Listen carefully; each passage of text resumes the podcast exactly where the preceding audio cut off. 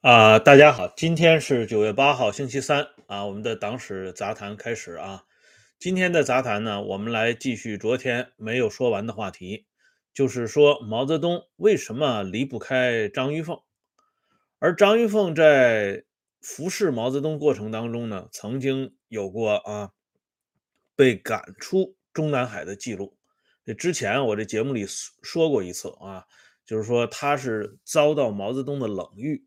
但是这个冷遇啊，和他之前被赶出中南海，这是两件不同的事情。那么现在呢，我们用倒叙的方式向大家介绍一下张玉凤与毛泽东他们之间的一个真实的关系。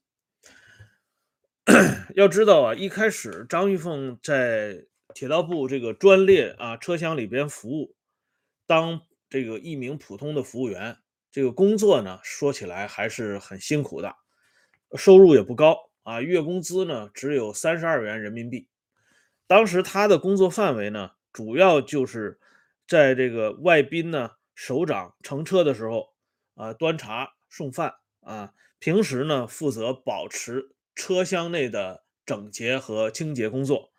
冬天还要这个占用很长一段时间帮助这个烧锅炉啊。可见呢，啊，他当时的这个工作。啊，是很辛苦的，而且他有一点啊，这个专列上边的服务员呢是半军事化啊，就是说命令一到，列车马上就要开始，哎，这个列车员呢，哎，他这个本身啊，事前不知道这个专列要开向何处啊，专列上边呢乘坐的是哪一位首长，而他即将要为哪一位首长进行服务啊。所以他的这个工作环境呢，其实一开始来讲啊，并不轻松。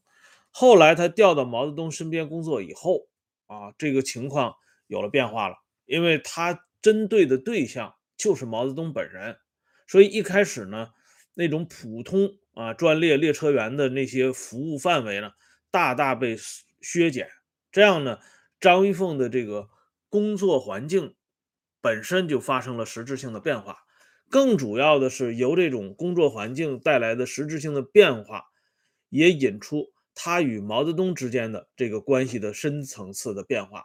他们之间呢，已经不仅仅局限于列车员与这个首长之间的关系，他们通过相互了解、相互认识啊，他们之间的这个关系呢，又进了一步。所谓进了一步，就是毛泽东对张玉凤非常满意啊。张玉凤呢，对毛泽东，呃，从一开始他也有一个呃跟普通老百姓一样的认识，就是觉得伟大领袖呢高不可攀，而且能够为这个伟大领袖服务，那自然而然是不得了的这个事情啊。可是随着这个时间的推移和认识的递增，那么他对领袖身上的一些问题，包括他与领袖在交往之间出现的一些磕磕碰碰。张玉凤呢就不打算容忍了，于是呢就引出了他被赶出中南海这件事情。关于张玉凤被赶出中南海这件事情呢，呃，有两种不同的说法，但这两种不同的说法其实是异曲同工啊。第一种说法呢，是一九七一年的时候，张玉凤曾经被毛赶出去了啊。张玉凤自己的回忆啊，原话我给大家读一下，他说那天。主席那里有客人，我脸上表现出不太高兴的样子，受到主席的批评，我仍在辩解。主席一怒之下，瞪着眼睛说：“你要是不高兴，就给我滚！”我二话没说，收拾包袱便跑回了家，在家待了二十多天，心情很难受。回单位后领工资的时候，还不敢直言坦告，呃，坦白的告诉领导。因为张玉凤当时啊，虽然到毛泽东身边工作，但是他的行政隶属关系啊，说白了就是说他的这个编制呢还在铁道部。他所说的回单位领工资，指的是他到铁道部去领工资啊，这是一种说法。还有一种说法呢，呃，就是有一次因为录音机的事情，毛泽东非常生气，对张玉凤说：“不高兴你就给我滚。”啊，张玉凤的脾气也很直，也很急。毛泽东叫他滚，他二话没说，收拾一下东西也就走了。回到家以后，他不愿意见人，也不愿意同人说话。这两次啊，这个不同的回忆当中，我们都可以看到，啊，张玉凤被赶出中南海这件事情是确有其事啊。只不过呢，在赶出中南海这个过程当中呢，啊，发生的一些小细节，值得我们来了解。一个是呢，张玉凤自己就说，毛泽东让他滚，他二话没说，收起包袱就走了。啊，这一个小细节说明毛泽东啊训斥的这个人在中南海里的地位，包括他在毛泽东啊这个眼中的分量。如果一般人被毛泽东痛骂啊，说不高兴就滚蛋，会不会是一种诚惶诚恐的样子？至少不会说夹起包袱就走，连一句多余的话都没有啊。第二个呢，小细节就更有意思了。啊，就是张玉凤被毛泽东赶走之后，这个责任，昨天我们已经讲了，毛泽东因为左胸前的那个小小的这个病痛，啊，引发了那么大的波澜。最后呢，明明李医生事前已经警告过毛泽东，包括张玉凤，说出现了这个问题以后呢，再也不要用手啊去触碰，容易啊，呃，把这个问题搞大了。可是最终呢，还是由于毛泽东、张玉凤不谨慎，导致这个情况进一步的恶化。可是，在最后治疗结束的时候，毛泽东对李医生说的那番话，仍然是把棍子打到下边人的身上。所以这一次啊，张玉凤惹怒了毛泽东，他回到家里之后，那板子自然还是要打到张玉凤的身上。领袖哪里能有错呢？所以，中央办公厅副主任张耀慈啊，就是张玉凤的直接领导。他去找张玉凤啊，让张玉凤写检查。可是这个时候啊，张玉凤表示他不写检查啊。他在张玉凤在对来访的人说说的话，就是说他很倔啊，这个人很倔强，所以他没有写检查。大家想一想啊，如果是一名普通的工作人员，中央办公厅副主任张耀慈。啊，就是中办里边的第二号人物，而且是他的顶头上司，让他来写检查，仅仅能够凭借性格上的倔强就拒绝领导提出的要求吗？显然是不可能。我们都曾经啊，或者是现在正在体制内工作，都知道这个规矩啊。组织上让你干什么，你必须干什么，否则的话啊，后边就加六个点省略号了。尤其是在那种峥嵘岁月当中，你得罪了伟大领袖，那就意味着得罪了全国人民，啊，这一点是很麻烦的。可是张玉凤居然拒绝写检查，这是第一个细节，啊，这应该说是第二个细节啊，一一句话不说夹包就走，这是第一个细节。第二个细节是拒绝写检查，那么还有第三个细节，啊，这个时候呢，张玉凤的婆婆。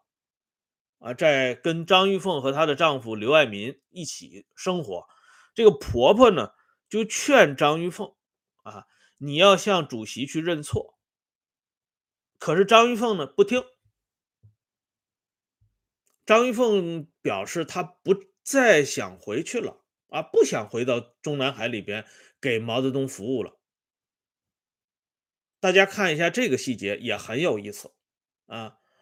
是什么样的原因导致张玉凤的婆婆出面来劝告张玉凤回到中南海？那么又是什么样的原因让张玉凤非常有底气，表示自己不再回去工作了？难道她不担心啊？这个被领袖辞退这件事情一进一步发酵之后，给他带来的巨大的麻烦吗？哎，因为。在这个李医生的回忆录里边呢，我们就看过这样的记载啊，在毛泽东身边工作的不满意的人被从这个一组啊踢出来之后，李医生他们出于好心啊，做了一些相关的工作，不至于让外界呢误呃外界认为这个人不适合在领袖身边工作，进而呢对他产生一些不公平的。待遇由这个李医生的回忆，我们就可以想见，一旦你是被毛泽东那里轰出来的，那么以后你的处境是会非常艰难的。但是张玉凤呢，根本不在乎这些，而且他还不打算回去了啊。这个细节呢，这是第三个细节。我们再来看第四个细节，第四个细节更有意思，就是张玉凤被赶出去之后，又怎么重新回到毛泽东身边呢？源自于第四个细节。张玉凤想起他还有一件衣服啊落在这个中南海，他呢就打电话给护士长吴旭军啊，大家看一下啊，他虽然回家了，可是呢，他仍然可以跟毛泽东身边啊最重要的工作人员之一，类似像吴旭军这样的人取得直接的联系啊，电话号码都在他的脑子里，更主要的是他的这个电话。说打通就能打通，因为那个时候啊，张玉凤家里不知道有没有电话，这个我们没有考证过。哪怕是他家里有电话，如果直接想找中南海毛泽东身边最重要的工作人员，是要通过接线员连接的，不是说像今天直接打人家手机，人家就接了，不是这么简单的。即便是在今天啊，资讯这么发达，信息这么发达的时候。如果张玉凤是彻底的啊被领袖给轰出去的话，我相信吴旭军的手机里边一定会把张玉凤的联系地址给拉黑的啊。而这样呢，张玉凤与吴旭军就取得了直接的联系。张玉凤就告诉吴旭军说：“你能不能把衣服呢放在这个啊外边，放到门口收发室之类的地方，我回去呢取一下。”这样呢，吴旭军在电话里告诉张玉凤说：“你先等一下啊。”然后呢，又告诉张玉凤：“你就在家里等着吧，马上会有车来接你。”而这个细节呢，有一段话很有意思啊。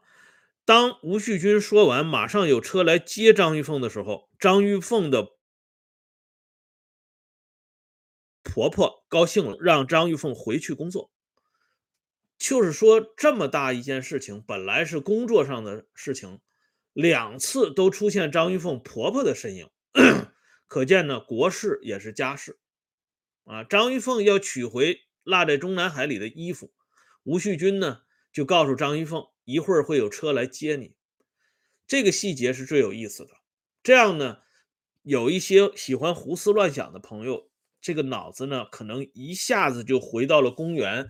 七百四十六年和公元七百五十年，啊，公元七百四十六年和公元七百五十年正是中国这个大唐王朝的时候，啊，有些朋友可能就会想到啊，有些尤其是一些这个中老年朋友会一下子想到，在唐朝啊那个时间段里，有一位老同志啊与一位年轻的女同志之间呢也发生了矛盾和局域，那么这个。呃，年轻的女同志呢，第一次在公元七百四十六年就回到了她堂兄的家里，啊，坐在那儿不动。这个老同志呢，非常想念这个女同志，又不想自己呢直接这个找台阶下，于是他身边一位呃姓高的呃著名的这个工作人员就提出建议啊，提出建议呢，就是啊对他呢呃。有一个整体的帮助啊，这个帮助之后呢，这个女同志呢就回来了啊，这是第一次。那么第二次呢，就是公元七百五十年，这女同志又犯错误了啊，又一次回去了啊，被这个从这个老同志身边赶走了。老同志呢又是故伎重演，又把这位女同志呢给请回来了。所以我非常担心啊，有的。朋友由此就想到这两件事情，啊，我希望大家不要胡思乱想啊，因为这个历史呢就是历史，不要有代入感啊，更不要这个胡乱的嫁接，这样是很危险的。为什么这样讲呢？因为这个时候呢，我希望大家想到另外一位老同志啊对我们的教导，那就是柯老柯庆施。当年啊，这个。曾经啊，有过那么一段时间，就是在大跃进时代，啊，毛泽东呢，呃，希望下边的这些领导干部们对中央呢畅所欲言啊，哪怕是提出一些尖锐的批评也不怕。于是呢，大家群情激愤啊，很高兴啊。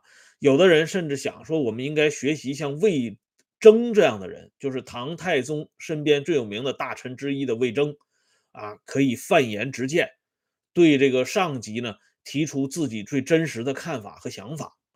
就在这个时候，柯庆师啊非常生气，柯庆师就说他们说你们稀里糊涂的啊，怎么能这么想呢？如果我们这些人是魏征，那么你们把领袖置之于何地呢？要知道，毛泽东同志是无产阶级的革命领袖，他跟封建的帝王将相那是完全不同的。你自己要当魏征，嗯，那是另一个话题。但是你如果因此把无产阶级领袖的地位啊与这个封建的帝王将相双相勾连，那是不能容许的。所以柯老的这番教导呢，时时刻刻在我耳边响起。因此，在今天出现这个细节的时候，我提醒大家不要犯啊柯老所训斥的那种人所犯下的错误啊。这样呢，张玉凤就又一次的啊坐着中南海开来的汽车把他接回了去。接回去之后呢，啊毛泽东给他的评语，这是第五个细节，很有意思啊。毛泽东的评语就是办事认真。工作尽职，张飞的后代一杵即跳。这里呢，毛泽东没有对张玉凤提出严肃或者是严厉的批评，啊，只是呢，啊，比较温和的说了一句话，说你这次呢是二进宫，以后要注意啊。那么第六个细节，张玉凤激动的哭了。啊，这个时候呢，大家也不要想到公元七百四十六年和七百五十年的事情啊，要注意队形啊，不要乱了阵脚。这样的话呢，这个张玉凤呢就继续的留在毛泽东的身边工作啊。这一次呢，工作非常尽心，尽心到什么程度呢？就是张玉凤在一九七二年。怀孕了啊！这个怀孕的时间，李志随医生的回忆录里边有记载，说这个张玉凤怀孕是在一九七二年年底。这个时间段呢，跟张玉凤后来自己在接受外来采访的时候，这个时间啊，自己讲述的时间基本吻合。因为张玉凤的第二个女儿出生的时间是一九七三年八月一号啊，就是张玉凤和她的丈夫刘爱民生下了第二个女儿。那么，在张玉凤啊生产前夕，还有一个细节，也可以看出啊张玉凤与毛泽东他们之间的关系啊。换句话说，就是说毛泽东为什么离不开张玉凤？当时啊，张玉凤呢，因为这个怀孕已经这个月份很大了啊，这个身体呢行动也不方便。张玉凤对来访者说，她怀孕之后还继续工作，一直到。最后生产前夕，就是说八月一号生小孩，七月三十一号建军节的前夕，其他啊有军队编制的同志呢，都已经回家准备过节，只有张玉凤一个人还继续留在毛泽东身边来服务。啊，这里呢，张玉凤提到的这个自己提到的这个细节也很重要，就是说张玉凤的隶属关系虽然还在铁道部啊。在铁道部领工资，但是张玉凤这个时候，在一九七三年这个时候，她的编制已经变了，穿上军装了。我以前在节目里边给大家展示的一张图片，就是毛死了以后啊，在停放过程当中，张玉凤和吴旭军两个人啊，在毛的灵前痛哭流涕的那个照片。那张照片里呢，吴旭军和张玉凤穿的都是军装，哎。吴旭军穿军装呢，可以理解，因为吴旭军那个时候已经到这个，呃，三零五医院工作去了啊，是军医，他穿军装。而张玉凤穿军装呢，就像张玉凤自己说的那样，他已经变成了军队编制了。那个时代能够直接成为军队编制的人，这也是一个不特别简单的事情，不是像今天啊，你想参军就参军，嗯。那么当天傍晚的时候，张玉凤回忆说，他感到有一段这个阵痛，但是他还是给毛泽东做完起床之后所有工作才走。这个时候呢，张玉凤说了一句话啊，他说主席很感动，动情了，坚持要张玉凤留下来吃晚饭，最后实在不行了，才派车把她送到医院生产。这是张玉凤对来访者亲口讲述的啊。毛毛泽东动情了，这个话呢，也是张玉凤自己说的啊，不是别人给他添加的。那么到了一九七三年八月一号这一天，张玉凤顺利的啊生下了她第二个孩子。在顺利生产生产的过程当中呢，还有一个小细节，这是李医生回忆的，就是张耀慈。找到李志随，说他跟汪东兴啊共同的意见就是让李志随好好的照顾张玉凤，能够平安的把孩子生下来。李医生自己的回忆说，在我这方面没有什么照顾好不好的问题。张玉凤的行政隶属还在铁道部，铁道部有自己的公费医疗医院。他可以到那里去做这个产前的检查，也可以在那里生产。张耀慈呢，马上叮嘱李医生说：“正是这件事情让你去办啊。”张玉凤说了，主席讲要给他送到一个好一点的医院去生产，所有的费用由主席的稿费里边支出。这一点呢，又让我们看到了一个很重要的细节，就是。张玉凤生孩子的费用是由毛泽东来负担啊，由毛泽东的稿费里来支付。大家想一想，其他人生小孩的时候是不是也会有这样的待遇啊？比如说吴旭军呢，或者是其他的身边的工作人员，我们不知道。这是李医生说的啊。那么李志随一看，既然汪东兴和张耀慈都是这个态度。他啊，如果再想说什么，也已经不可能了。嗯，这样呢，他就把张玉凤呢介绍到就是协和医院的妇产科。医院一看是李医生介绍来的，就知道来这里生小孩的这个女的来头肯定不小啊，所以呢，对张玉凤照顾的是非常的到位啊。用李医生自己的话说，待如上宾。而且李医生的这个回忆也很准确啊，他的原话说到八月张玉凤生产的时候，给张玉凤住进高级干部病房，就是住到高干病房去。刚才我们讲了，张玉凤自己也说了啊，她是在八月一号生下第二个女儿的。哎，那么张玉凤生下来之后啊，啊，张玉凤生下小孩之后。毛泽东又有一个不同寻常的举动，那这个寻常举不同寻常的举动是什么呢？我们留待明天接着说。啊，谢谢李健老弟上来的支持啊，谢谢朋友们这个关注、支持和收看啊，以及点赞啊。我们这个温相说时政会员频道，周一到周日经常有更新啊，欢迎大家时时刻刻予以关注。和订阅啊，今天的节目呢，说到这里，再见。